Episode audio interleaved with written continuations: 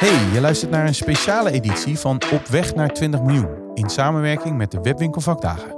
In deze reeks gaan we in gesprek met exposanten en sprekers van het grootste e-commerce event van de Benelux. Met 15.000 bezoekers, 250 e-commerce leveranciers en meer dan 200 sprekers is de Webwinkel Vakdagen al jaren het ontmoetingsplatform voor de gehele e-commerce branche. In zo'n half uurtje praten we met ondernemers en experts over zaken waarmee jij weer betere beslissingen kan nemen in jouw online groei.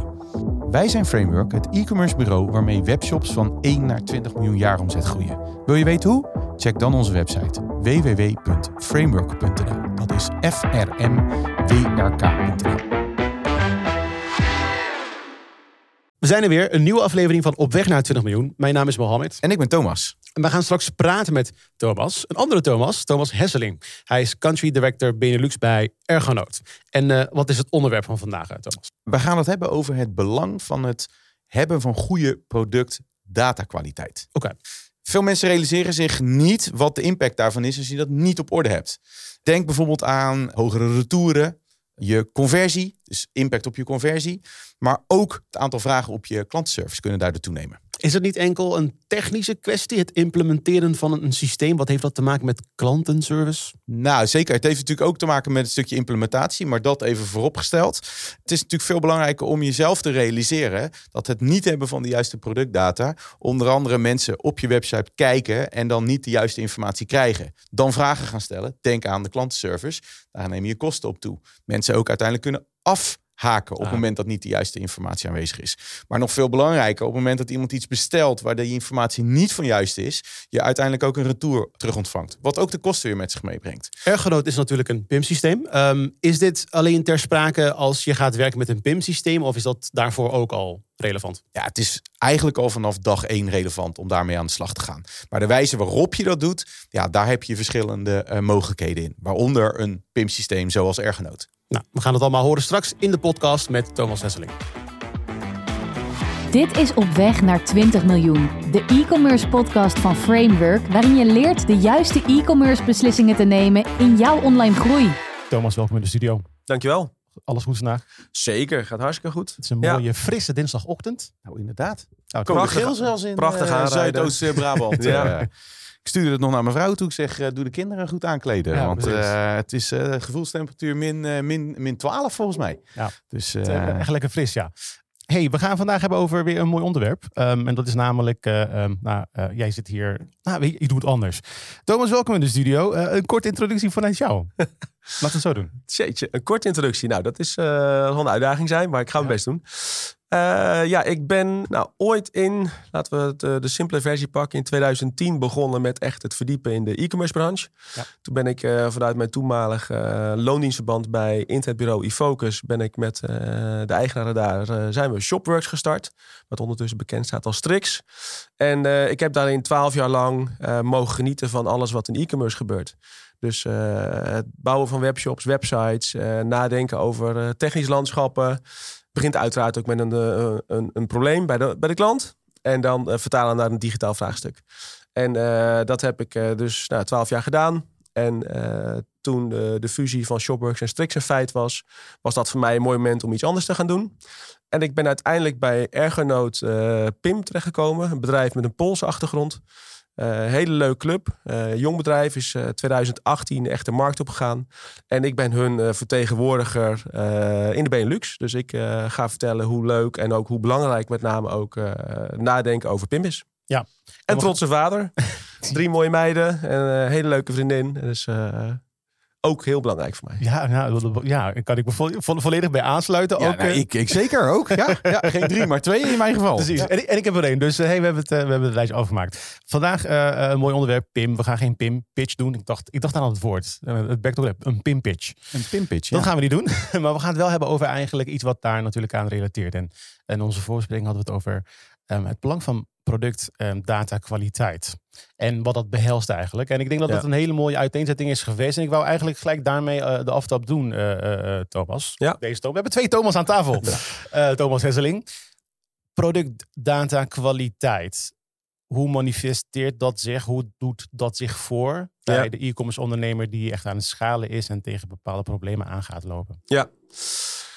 Ja, nou, ik denk dat als je. Uh, kijk, we hebben het natuurlijk ook over. Volgens mij gaat deze podcast gaat ook over bedrijven die in een, in een, in een groei uh, zitten, in een groeifase en uh, ambitie hebben. En ik denk dat je heel duidelijk kunt zien dat de afgelopen jaren dat de complexiteit van het e-commerce landschap is gewoon groter geworden. En dus bedrijven waar ze vroeger ooit begonnen misschien met een EEP en uh, waarbij het EEP centraal staat en daar zit een webshop uh, bovenop. Uh, bijvoorbeeld even de Magento 1.0. Um, ja, dat is een, een, fase die voor veel bedrijven nog wel herkenbaar is als ze al actief zijn op, op e-commerce, zeg maar. En de afgelopen ja, 10, 12 jaar zie je een hele duidelijke verschuiving dat van die, uh, die monolith, zeg maar, dat we nu natuurlijk naar die composable commerce of die zelfs uh, de hele chique bedrijven hebben microservices. Maar dat je dus van een centraal gestuurde applicatie, het ERP, uh, zijn we eerst dat allemaal gaan onderbrengen in de, e-commerce software. Dus bijvoorbeeld of Magento, of een Shopware, of een Shopify, noem eens maar op. En nu zie je een beweging dat door groei van bedrijven, en dat gebeurt op alle assen, dus zowel uh, in mensen, in producten, uh, soms ook nog wel administraties of BV's, dat zo'n club groter wordt en dat dan de behoefte om data in bredere zin, hè, waaronder productdata, te controleren groter wordt. En dat kun je niet meer af met een, uh, een aantal eenvoudige applicaties. Dus voor alles ontstaat een specialistische oplossing. In het geval van productinformatie uh, zie je dus een hele duidelijke plek in dat technisch landschap voor een PIM-oplossing. Hey, en waar komt, wat, wat ook interessant is, waar komt, die, waar komt die behoefte zeg maar, vandaan? Want je zou eigenlijk zeggen, productinformatie en kwaliteit van productinformatie zou je eigenlijk vanaf dag één al willen hebben. Ja. Waarom is dat op het moment dat je gaat schalen, wordt die behoefte steeds groter? Ja. Nou, uit mijn eigen ervaring, dus zowel vanuit mijn bureautijd als nu wat ik zie bij, uh, in dienst bij Ergonoot, is zie ik gewoon dat bedrijven. Uh, het gaat letterlijk ook om enerzijds om grip. Hè, dus zeer helder en zeker hebben dat de informatie die je in je kanalen gebruikt, want het is niet alleen maar meer de webshop. Soms wordt de productinformatie ook direct naar een marketplace als hè, een Bol, een Amazon, een eBay gestuurd of een vergelijkingssite. Maar diezelfde productdata kan ook nog naar uh, uh, Google gaan voor je ads. Of naar, nog naar offline voor een catalogus. En je wil gewoon invloed hebben op die kwaliteit, maar ook wat je naar welk kanaal stuurt. Dus die, die type informatie van product, informatie die je verstuurt, kan ook verschillend zijn. Daarnaast zie je ook, denk ik ook heel erg zeg maar, op, op het human vlak, dus de mensvlak, zie je dat ook om goede mensen aan je organisatie te binden, wil je mensen ook zorgen in een prettige werkomgeving. Dus dat is niet alleen maar een leuke werkplek. Uh, misschien uh, wat leuke secundaire arbeidsvoordelen. Maar ook gewoon dat je dagelijks werk inhoudelijk leuk is. En dat je daar ook in geholpen wordt. Dus vroeger zie je veel dat uh, de e-commerce medewerker of, of de data manager veel al met Excel en CSV werkt. En ja, op een gegeven moment wordt dat ook niet meer leuk. En je ziet dat het plezier van die mensen verdwijnt. En door ze te helpen met goede software, hè, en dan zijn wij niet de enige, hè, er zijn nog veel meer goede PIM-systemen. Dus voor elke softwareleverancier is er altijd wel een, eh, een passende opdracht. Hè. Dus we hebben Akinio, uh, Plytix, uh, nou, zijn echt een aantal goede pakketten. Maar daardoor krijgt ook die, die collega, die houdt ook veel meer plezier in zijn werk. En kan je dus ook langer je organisatie binden. Want ja, ik weet niet hoe dat bij jullie zit, maar verloop van mensen is iets wat ondernemers graag niet hebben. Nee. Het is, uh, het is vervelend, kennis, uh, maar ook dus uh, gewoon letterlijk, dat kost ook geld. En, en dat vind ik een mooie, want je, dit is zeg maar een pijnpunt waar wellicht een luisteraar en een ondernemer tegenaan kan lopen. ik heb verloop, vooral zeg maar in die afdeling, weet je wel, rondom het magazijn en productdata ja. of al die CSV's en marketplaces. Ja. Ik, ik wil ook vooral zeg maar duidelijk krijgen welke problemen zich voordoen als je dit niet mhm. goed op orde hebt. Je hebt zeg maar mooi de theorie en eigenlijk het bestaansrecht of uh, het ontstaan van PIM binnen het IT-landschap uh, geduid. Maar stel dat dat dus niet goed geregeld is, wat voor mhm. een impact heeft dat op productdata? Ja, je data staat niet goed, maar ja. wat, wat betekent dat nou voor die ondernemer of voor die webshop? Ja, nou ja, het, het, kijk, wat er letterlijk kan gebeuren, zeg maar, ook, uh, je ziet uh, de, heel vaak gebruiken, uh, software vendors gebruiken het woord business case. Hè, dus, dus het geldt niet alleen voor PIMS, maar het geldt voor alle software die we verkopen. Dat we verwachten dat de potentiële afnemer een business case maakt. En dat is een, een sommetje, wat niet altijd hetzelfde is, maar we kijken naar wat kost de investering, ja. wat gaat het bijdragen, zichtbaar bijdragen, dus in geld. Maar ook waar we net over hadden, die, uh, het plezier van mensen is tegenwoordig een hele belangrijke factor.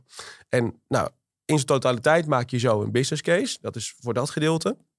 Maar ook letterlijk, als die datakwaliteit in je saleskanalen omhoog gaat, dan heeft dat invloed op je conversie. Er is een, uh, een, een PIM-bureau die heeft daar een hele mooie Excel voor. Dan kan je een beetje een, een berekening maken van hoe, wat die impact zou kunnen zijn. En, ehm, maar uiteindelijk wil je voorkomen dat bijvoorbeeld als je een product uh, hebt, uh, dat die beschrijvende kenmerken, bijvoorbeeld op de Nederlandse site, dat daar uh, bijvoorbeeld wel zilver staat, maar dat op de Engelse site dat daar in één keer gold staat, omdat daar een foutje in Excel is geslopen, zeg maar. En dat is eigenlijk, hè, de, de, de consument is kritisch en of die consument uh, dat kan een zakenconsument zijn ook, of een, uh, of, een, uh, of een reguliere consument. Maar de consument is kritisch. En dus je moet als e-commerce ondernemer, moet je ook gewoon op hoog niveau, op topniveau willen spelen. Wil je relevant blijven in de business. Ja. Dus... Ja, want ik denk zelfs, uh, Mo, weet je, als je dus inderdaad echt concreet kijkt, zie je natuurlijk op verschillende assen, zie je als je productkwaliteit, uh, uh, datakwaliteit niet op orde is, dat je enerzijds, Thomas noemt het al, verkeerde data zorgt ervoor dat mensen wellicht iets verkeerd bestellen. Nou, iets verkeerd bestellen betekent uiteindelijk weer een retour. Een retour. Dat zijn retourkosten. Nou, duurzaamheid wordt steeds ja. belangrijker, dus retour is ook natuurlijk niet heel erg duurzaam. Maar denk ook gewoon aan de klantenservice. Heel simpel. Als mensen gaan ja. twijfelen, mensen gaan kijken, zien iets, denken, hè, klopt dat wel? Zie niet de juiste afbeelding versus bijvoorbeeld uh, de beschrijving van zo'n product. Dat ze dan weer contact op met je klantenservice. Dus de druk ja. van je klantenservice neemt ja. ook toe. Ja. Dus ik denk dat over verschillende assen hè, uiteindelijk ervoor zorgt dat als je product datakwaliteit niet op orde is, dat je dan uiteindelijk, uh, uh, nou ja, gewoon kosten aan het maken bent. En zelfs ook misschien wel omzet verliest. Want er kunnen ook mensen zijn die zeggen van joh, de data is niet toereikend genoeg. Ik ga verder kijken. Ja. Hè? Ik ga zoeken naar een andere. Wat daarin ook interessant is, denk ik, is dat je, uh, je hebt ook uh, zeg maar twee uh, type ondernemers daarin. Hè, zeg maar. Dus je hebt vanuit oudsher heb je ook een ondernemer die vanuit zijn eigen persoonlijkheid, want daar begint het vaak heel erg vooral gericht is op die marketing en die saleskant. Hè, dus die is vooral bezig aan de voorkant te investeren in zijn bedrijf. En uh, gemiddeld gesproken, zijn al de uitzonderingen, zie je dat dat type ondernemer ook niet per se heel veel uh, heeft met het technisch landschap van zijn bedrijf. En, en dat type ondernemer, dat noemen wij ook vaak een ondernemer die eigenlijk negeert dat hij ook een IT-bedrijf is. Hè? Dus het is niet alleen maar je producten uh, verkopen of de dienst aan de man brengen, maar het besef dat je organisatie ook echt een IT-bedrijf is, ja, dat is wel de basis voor een stukje schaal. Andersom zie je dat uh, de bedrijven en de ondernemers die zichzelf echt maar vanuit de technische hoek alweer profileren, uh, die hebben dat, dat spelletje al veel eerder in de gaten. Maar daar is wel de valkuil dat je erin doorslaat weer. Dus het is echt een gezonde balans vinden tussen, tussen het kiezen van de juiste software in de juiste levensfase van je bedrijf. In dat groeipatroon, in die weg naar, die 20 miljoen, zeg maar. Uh, dat is een fijn lijntje. En en daar moet je kennis en advies voor gaan halen. Hey, en als je nou, je noemt levensfase in, uh, in dat proces, uh, kunnen we dat ook een beetje, nou ja, laten we zeggen, concretiseren? Wanneer, als jullie kijken naar, naar jullie klantprofielen, wanneer ga, ga je nou echt aan de slag met, nou ja, met je productkwaliteit? Ja. In die zin uh, zou je dat eigenlijk altijd moeten doen. Maar wanneer is dat nou het moment dat je zegt van ja, ja. nu moet, je, moet je dat echt gaan doen? Ja, het is, is, dat, het is, echt, um... is dat echt om. Kan je dat omzetwise? Of heeft dat te maken met een bepaald type product of een bepaald type assortiment? En dan hebben we het niet over een PIM-systeem, toch? Gewoon algemeen. Algemeen, ja, ja. ja. ja. ik denk dat dat, uh, nou ja, ik denk dat dat ergens, van, uh, het kan vanaf een omzet van uh, 2, 2,5 miljoen kan het al zeker relevant worden. Maar het heeft ook wel heel sterk te maken met uh, de breedte, dus ook de diepte van je assortiment. Dus, uh, maar ook in hoeveel, uh, hoeveel talen ben je actief. Dus niet zozeer het aantal landen, hè, want taal is, niet, is landoverstijgend. Ja. Maar als jij op een gegeven moment één taal hebt, kun je dat prima misschien nog, nou ja, zelfs nog in je ERP, als het niet te veel data is, of gewoon in je e-commerce platform onderhouden, in je, in je webshop systeem. Maar als je merkt dat de, de wijzigingen die je op periodieke basis moet doorvoeren, als dat nou ja, ook jezelf tegen gaat staan. Of je merkt dat je collega er uh, een beetje uh, ja, niet met heel veel plezier naar zijn werk komt. Dan is dat er misschien om na te gaan denken om iemand tooling te bieden om dat werk sneller te kunnen doen. Dus met, met veel software kun je ook die processen gaan automatiseren. Dus onze software heeft bijvoorbeeld de mogelijkheid om variabelen te gebruiken in tekstbeschrijvingen of in titels. Waardoor je dus, als ik data van de leverancier krijg, dan wordt misschien 80 of 90 procent van die data wordt bijna helemaal geautomatiseerd al weer klaargezet. Ja. Nou, daarmee kan het dan nog aangevuld worden met je eigen specifieke kennis of uh, beschrijving of wensen. Daarna brengt de software het naar het uh, e-commerce platform of de andere kanalen. Uh, en, en, dat, en dat proces versnellen, dat maakt het leven lekker. En dan kan die persoon ook of meer doen, ja. of ook gewoon nog op dagbasis andere zaken doen. En ander deel waar we het hebben over kwaliteit is denk, uh, want je lost het niet op met een PIM. Je hebt ook nog steeds een goede agency nodig die vervolgens helpt die data ook kwalitatief te presenteren. Dus wij bieden een oplossing om het te beheren en te maken of te automatiseren. Maar vervolgens heb je echt ook nog iemand nodig die snapt hoe je dan die kwalitatieve data goed kunt presenteren in je kanalen. Help me in twee scenario's. Het eerste is, uh, je begint pas met uh, productdata kwaliteit en Daarin is mijn vraag eigenlijk, hoe ziet dat eruit? Oftewel, wie ga je vragen om hiermee bezig te zijn? Ja. En het tweede scenario is, je bent gevorderd, je bent al, je al vijf jaar verder. Het is gewoon goed gezet. Je hebt er een team voor de ideale situatie. Dus het begin en de ideale situatie. Hoe ziet dat eruit? Ja, nou, ik heb uh, een mooie anekdote uit uh, een van mijn opdrachtgevers uit het verleden. Daar, uh, daar was de, de start van het gebruik van PIM-software, dus was in mijn agency-tijd, was een onderwerp. En uh, hij wist ook niet zo goed. Hij vroeg ook letterlijk aan mij van ja, maar wie is die persoon? Hoe ga ik die persoon vinden? Ja. En toen zei ik ook van ja, weet je, elk bedrijf heeft wel een persoon werken. Uh, waarvan als een collega of een, of een klant van jou zegt van ja, maar hoe zit dat nou met dat en dat product? En dan, en dan wordt er een naam genoemd. Dat kan uh, ja, Kees zijn, Jan, Klaartje, geef het een naam. En, maar er is één persoon binnen het bedrijf die alles weet. Een soort van lopende Rolodex. Alleen alles nog heeft in zijn hoofd of in haar hoofd. En die persoon, die, die opdrachtgever, die zei van ja, die heb ik, maar die staat bij mij in magazijn. Toen zei ik van nou, dan moet je misschien toch maar eens een goed gesprek met die persoon aangaan. Want uh, misschien is het voor hem ook een mooie kans om in zijn carrière te groeien. En heb jij iemand die uh, alles weet van je product. En misschien heel veel meer dan, dan jij zelf weet. Dus nou, dat was een gouden move. Dus uh, een maand later zat ik daar weer. En toen zei hij, uh, ik heb mijn uh, master data manager gevonden. Ja. En ja, dat was natuurlijk een mes wat was 1 plus 1 was 3. Want die, die collega die kwam uit het magazijn. En die had in één keer een, die zat binnen het e-commerce team ineens. Dus het was voor hem een mooie carrière. En voor opdrachtgever had hij zijn, zijn persoon. De andere kant, als je meer naar de professionele kant gaat. Dus naar die die master data manager, dan zie je ook wel de type organisatie veranderen. Dus daar staat een e-commerce team. En dat e-commerce team die heeft een e-commerce manager en die stuurt een heel team aan. En daar zitten meerdere specialisten al in. Dus die hebben echt een, iemand die ervan geniet om op dagbasis hè, dus die, die data te onderhouden. Maar er zit ook een, een, marketeer, digital marketeer in. Daar zitten uh, soms ook wel visual designer of developers in. Hè, dus dat is zo een ander type organisatie. En, en, en die Master Data Manager, die hoor ik voor het, eh, voor het eerst. Tenminste, waarschijnlijk wel voorbij horen komen. Maar wat houdt het in? Een Master Data Manager? Is dat productdata alleen? Of? Ja, ja, vaak wel. En uh, het is iemand die vaak op meerdere facetten binnen de organisatie de, de taak heeft om die datakwaliteit uh, naar het hoogste niveau te brengen. Dus dat kan vaak zie je een combinatie van die rol dat het dat en nog in het EEP is. Want het EEP wordt gebruikt waarvoor het EEP bedoeld is. Hè? Dus dat is uh, facturatie, uh, HRM, maar er wordt de basis productdata bijgehouden. En dan in een los PIM-oplossing zorgt hij dat alle productdata efficiënt wordt beheerd. Wat ik eh, tijdens mijn onderzoek eh, ook naar productdatakwaliteit ook tegenkwam, zijn er ook zijn verschillende datapartijen. Ik, ik noteerde voor mezelf GS1 Nederland, uh, IceCat, zeg maar. Ik kan me herinneren in een, in een, een ver verleden wij ook een, een, een, een retailer hielpen en die zat echt in de, in de elektronica. En die zei van joh, weet je, we laden alles in via IceCat. Ja. Dus heel simpel. Alle, alle, hoe, hoe kijk je daar tegenaan? Want dat is natuurlijk een hele makkelijke stap. Ja, ja. Ik, we hebben ook een opdrachtgever die, uh, die heeft en Ergonoot, maar die heeft ook nog steeds IceCat. En uh, die gebruikt het ook in verschillende manieren. Dus enerzijds uh, voor de basisartikelen, dus voor IceCat, ik pak even een gemiddelde televisie. Ja. nou ja, daar zijn de specificaties bij leverancier bekend. En wat ga je daar zelf nog aan toevoegen als, als retailer? Ja, misschien een afwijkende beschrijving, maar misschien niet eens. Want vaak worden die producten of op basis van klantloyaliteit gekocht, of gewoon letterlijk op prijs. Dus de noodzaak om op zulke producten nog eens dat in je PIM te halen, ja, wat ga je er nog aan toevoegen? Dus dat snap ik. Dat zijn dusdanig gevestigde productartikelen met zoveel informatie. Dan is IceCat bijvoorbeeld een perfecte oplossing. En dan zou je letterlijk ook een één op één integratie kunnen maken met uh, je, je platform en IceCat. Deze specifieke opdrachtgever die heeft uh, een combinatie. Dus die haalt een deel van IceCat, halen ze naar het PIM.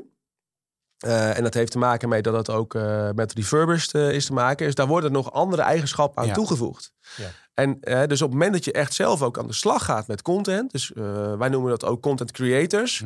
want vaak, je moet op een gegeven moment in dit vak moet je ook een bepaalde mate van creativiteit gaan hebben. Het is niet alleen maar meer dom data van A naar B en C brengen. Je moet echt bedenken, uh, hoe ga ik die data relevant maken? Dat is natuurlijk altijd een goed woord, relevantie. Maar ook uh, mijn productdata relevant maken. Dus die content creator, die pakt een deel van uh, een icecat of de fabrikant. En die gaat dat aanpakken, verrijken. En dan gaat het naar die kanalen toe. Dus dat is ook waar die Pim net even een andere positie heeft in het landschap. Ja, ja ik denk dat het ook heel belangrijk is. Hè? Want op het moment dat je kijkt naar, uh, we hadden onze vorige, uh, vorige uh, podcast met Evert, waar het natuurlijk gaat over customer experience en ook de toegevoegde waarde vanuit je merk. Ja. dan zit dat natuurlijk niet, zeker in een nou, waarhuisprincipe, zit dat natuurlijk niet op product. Want iedereen verkoopt die producten, maar het is meer hoe je het uiteindelijk ook allemaal brengt. En daar kan je dus uiteindelijk je Pim. Nou ja, ik denk dat dat ook een haakje is. Hè? Wat je zei van die customer experience, daar hebben we het ook uh, wel kort over gehad, nog in onze voorbereidingen. Maar ik weet niet meer of het nog per se een buzzword is, maar we hebben natuurlijk afgelopen, zeker afgelopen twee, drie jaar, hebben het heel veel gehad over personalisatie. dus, uh, en dat is de, uiteraard is het een goede ontwikkeling, want uiteindelijk is het doel om die websitebezoeker of die, uh, die kanaalbezoeker, om die zo goed mogelijk te voorzien van informatie. Dus die klopt bij je aanbod, bij je product. En nou, personalisatie is natuurlijk daar nog een soort van uh, in. Dus dat je heel erg gestuurd op data die je weet van die bezoeker, een aanbod gaat neerleggen. En dat kan dynamisch. Nou, heel veel mooie oplossingen in de markt voor. Hè. Er zijn ook tegenwoordig zie je daar een heel groot topic over DXP, dus die Digital Experience Platforms. Weer een mooie term. Ja. Uh, heel veel leuke content over te vinden overigens. Maar uh, dat is echt een slag die je gaat maken. Alleen dan zie je vaak weer dat nou, meer de marketing sales georiënteerde personen, die grijpen eigenlijk meteen naar het middel. En dat is bijvoorbeeld die software om die personalisatie toe te passen. Maar die vergeten dan ook vaak weer, of worden niet goed geadviseerd, wat daarvoor nodig is. En, ja. en wat is daarvoor nodig? Dat je dus dat de data waarop je die personalisatie maakt, ook heel erg goed en strak in orde is. Dus dat betekent je productdata, maar ook heel belangrijk, je CRM. Dus je moet precies weten van je klant, wie die is, wat hij doet, wat hij van je koopt en misschien zelfs waarom hij het koopt. En als je die twee zaken met elkaar gaat mengen en gaat brengen of in zo'n DXP of in je e-commerce platform met uh, tooling die op de markt is om dat te personaliseren, dan ga je nog een slag maken. Maar garbage in, dus als jij slechte productinformatie hebt, slecht CRM, en dan kan je mij proberen te personaliseren wat je wilt. Maar ik denk dat ik dan eerder een, een weglopende klant word en dat ik een grotere fan van je word. Dus dat is echt wel een belangrijk lijntje, denk ik. Hoe, hoe vaak worden PIMS momenteel ingezet op deze uh, zojuist geschetste manier? Steeds meer. Dus ik, ik, merk, ja, ik merk echt, kijk, wij zijn ook nieuw op de Nederlandse markt. Hè, dus wij moeten echt hard vechten voor ons plekje. Maar dat uh, vinden we een mooie challenge. Uh, maar je ziet ook gewoon de afgelopen jaren dat in die e-commerce vraagstukken dat steeds meer bedrijven zich uh, uh, bewust zijn van de noodzaak van het structureren van data. Ja. En, en er zijn ook echt heel veel momenten waarop wij in ieder geval zeggen dat het nog niet nodig is. He, dan mag het, dan is het een luxe. Maar het is uh, de, uh, ergens in die lifecycle komt het een keer uh, voorbij. En het is een groeiende. En het wordt ook steeds betaalbaarder, overigens ook. dus vroeger was pinboot wel stigma dat het duur was. Eigenlijk heel veel dingen waarvan we nu zeggen dat het voordelen zijn zit nog wel een beetje in de markt dat, een, dat er heel veel nadelen zijn van een PIM. Dus dat verandert. Wat, wat, ik, wat het misschien ook nog wel, hè, we praten nu al over, over, over product, productdata, productinformatie. Wat ik ja. eigenlijk nog eens zou willen uh, belichten is van, wat behelst dat nou? Is dat nou eigenlijk alleen maar die tekst die je op je, op je pagina hebt staan? Hoe ver gaat dat dan? Wat, wat, wat betekent? Wat is product? Wat is product? Ja, daar zijn ook wat gradaties in. dus wij, uh, wij zelf zijn echt een PIM, een product informatie management systeem. Dus dat betekent dat wij alle feitelijke data van de producten beheren. dus onze software bijvoorbeeld heeft niet de, de, de tooling in de software om data te echt, bijvoorbeeld images te bewerken, afbeeldingen te bewerken. Of in andere formaten op te slaan. Wij bieden bijvoorbeeld ook niet de mogelijkheid om berekeningen te maken in onze software. Dus dat je bijvoorbeeld zegt, ik ga, uh, ik heb lengte, breedte, hoogte.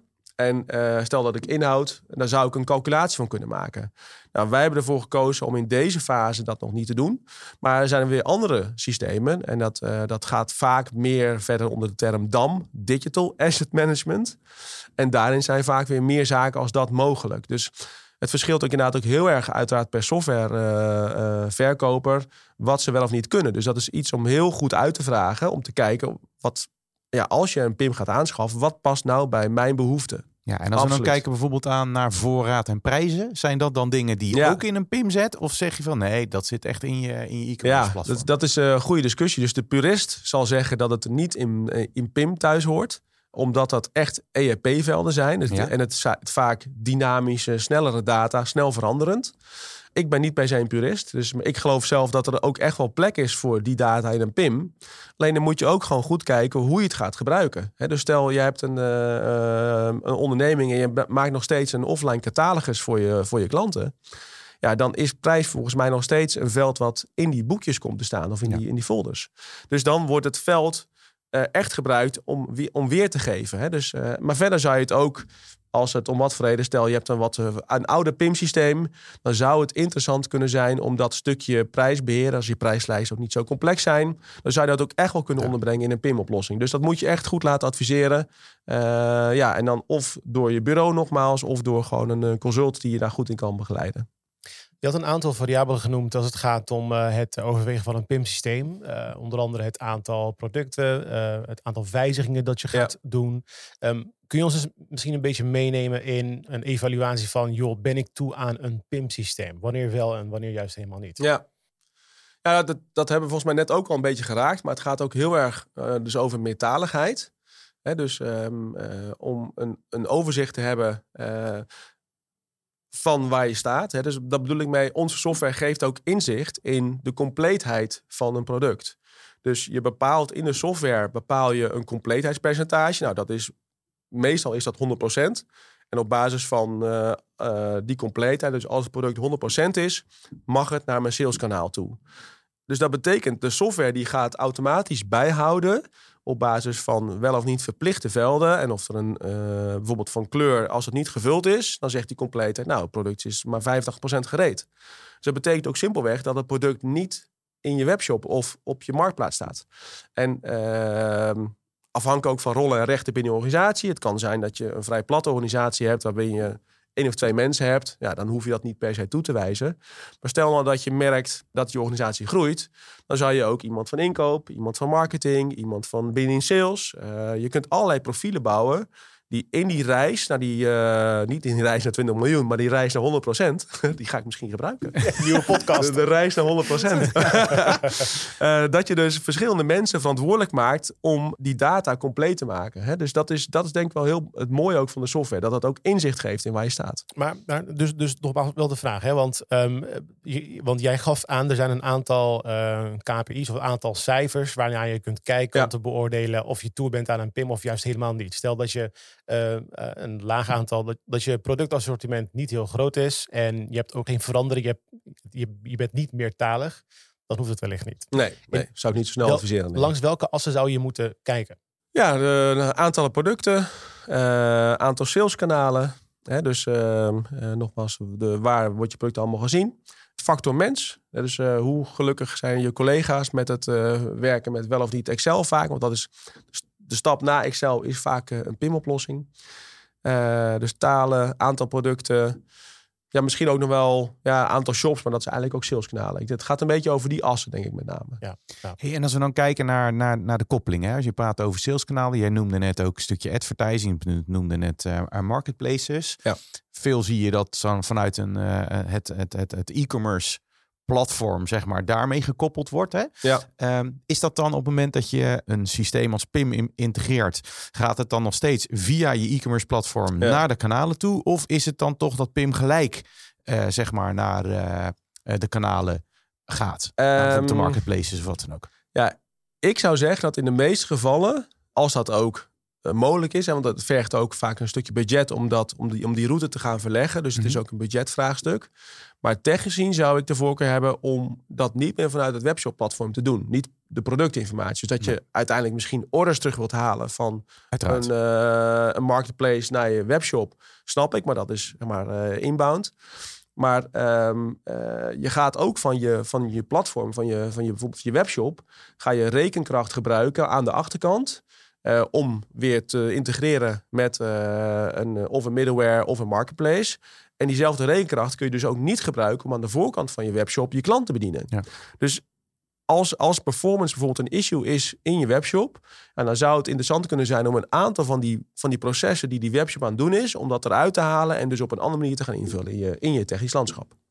Ik wil richting een afronding gaan. En daarvoor heb ik eh, eigenlijk eh, twee vragen. Of tenminste één van de twee. Misschien heb jij nog een vraag, Thomas. Je mag, me ook, eh, je mag, me ook, eh, je mag ook het eh, podium nemen. En de twee waar ik aan denk is... ofwel laten we het hebben over wat de uitdagingen zijn... stel iemand gaat hiermee aan de slag. Dus waar ze op vastlopen. Zodat Ja. ze daarop voorbereid zijn. Of wat ik misschien ook wel leuk vind is... wat is een verhaal? Stel dat je dit implementeert, een PIM-systeem... of je gaat goed aan de slag met je productdata wat voor een eh, uplift kan dat creëren in je, in je business. Dus je mag kiezen. Het is voor het eerst dat ik dit in een podcast doe. Kies, maar welke vraag je wil. Welk? Waar kan je het beste antwoord op geven? Ja, precies. Wat is een leuke antwoord? Of stiekem toch antwoord geven op beide. Dat Dat mag kan, dat kan ook. Ja, Dat is de moeilijkste vraag van de podcast, Ja, hè? Welke het, vraag ja. wil je? ja, zeker. Ik zit even. Ik zit ook goed na te denken wat ik nou het leukste vind. En ik denk dat ik toch. eh, wat was de eerste vraag ook? De eerste is, waar lopen ze op vast, zodat Ja. ze voorbereid zijn? En tweede is, wat voor een uplift kunnen ze creëren als ze dit doen? Nou, waar, ik ga toch voor de eerste. Ik, eh, ik ben zelf altijd van, de, van het fundament leggen, ook in, een- in een project. Dus ik ga toch meer voor de wat praktischer eh, dan het verhaal. Misschien kunnen we het andere keer nog doen. Maar ik denk, waar, wat je vaak ziet, is dat mensen heel goed eh, begrijpen, zeg maar, van wat ze ook wel in die reis, wat ze met een oplossing als een PIM willen gaan bereiken. Maar dan nog niet altijd kunnen overzien, direct. En dat is denk ik ook heel logisch, want eh, dat is niet de aard van het bedrijf. Maar heel goed kunnen benoemen m, hoe ze het PIM willen gaan gebruiken en met welke redenen. En dan bedoel ik, er zit dus veel verschil tussen de verschillende aanbieders. Dus eigenlijk net als bij het kopen van elk webshop traject, adviseer ik ook onze klanten om ook een voortraject doen met je agency en de PIM-vendor of de oplossing past. Voordat je echt een handtekening gaat zetten en twee, drie jaar bijvoorbeeld weer aan een oplossing vastzit. Waar je gaandeweg het project achterkomt dat je er helemaal niet op zit te wachten. Dus een goede intake, een goede voorfase om te bepalen welke oplossing bij je past, is denk ik belangrijk. Dat is denk ik de eerste. Ja. En de tweede is, wat je dan nog steeds ziet, is dat stel dat je kiest met eh, het ergenoot aan de slag te gaan, eh, dan moet je jezelf ook in staat stellen, laten we het positief houden, agile te zijn. Dus dat betekent dat je niet helemaal uitgedokterd meteen die inrichting gaat maken, maar je moet het ook een beetje laten gebeuren, een beetje organisch. Dus je begint eigenlijk heel simpel. In ons geval hebben we ook nog een kanbanbord, waarbij je dus per status ziet hoe je product, zeg maar, die stappen naar die 100% doormaakt. Maar als je van tevoren denkt, ik ga daar eh 10, 12 stappen van maken, ja, dan kan dat eigenlijk een van de voordelen, dus het versnellen van data, de kwaliteit, kan het ook dus een negatief effect hebben, omdat je te veel probeert te controleren. Dus dat organisch laten groeien van hoe die software wordt ingericht, is denk ik ook iets wat je, ja, wat je moet kunnen toelaten als bedrijf. Dus eh, ook een beetje fouten maken leer je. Ja. Juist, dus ook een beetje in het proces laten gaan, zeg maar. En, en zeker een, een, nou ja, wij noemen dan een bepaald doel stellen, maar tegelijkertijd zeggen in kleine stapjes er naartoe en niet gelijk ja. het maximale willen. Dus Ja, want dan- gaandeweg Ja, verbeteren. en ik denk dat je op die manier namelijk ook heel goed enerzijds een spiegel gaat krijgen van hoe zo'n product van A tot Z, dus bijvoorbeeld van je leverancier tot aan je klant, hoe zo'n product door je organisatie gaat. Dus bij wat voor mensen komt het uit of eh, wie vindt er wat van. En, en dan kun je dat proces beter gaan fine-tunen in plaats van dat heel geforceerd meteen te willen doen. Ik denk dat dat wel twee belangrijke learnings zijn. Dus een goede voorbereiding en ehm, geef het de kans om te laten groeien ook. En daarmee zijn we aan het einde van onze podcast. Wij willen jou bedanken, Thomas, voor jouw eh, tijd en je komst. Superleuk en ik vond het een eer dat ik hier aanwezig was. Dit was Op weg naar 20 miljoen. De podcast die je helpt betere beslissingen te nemen in jouw online groei. Ga voor meer afleveringen naar je favoriete podcast-app. En vergeet je niet te abonneren.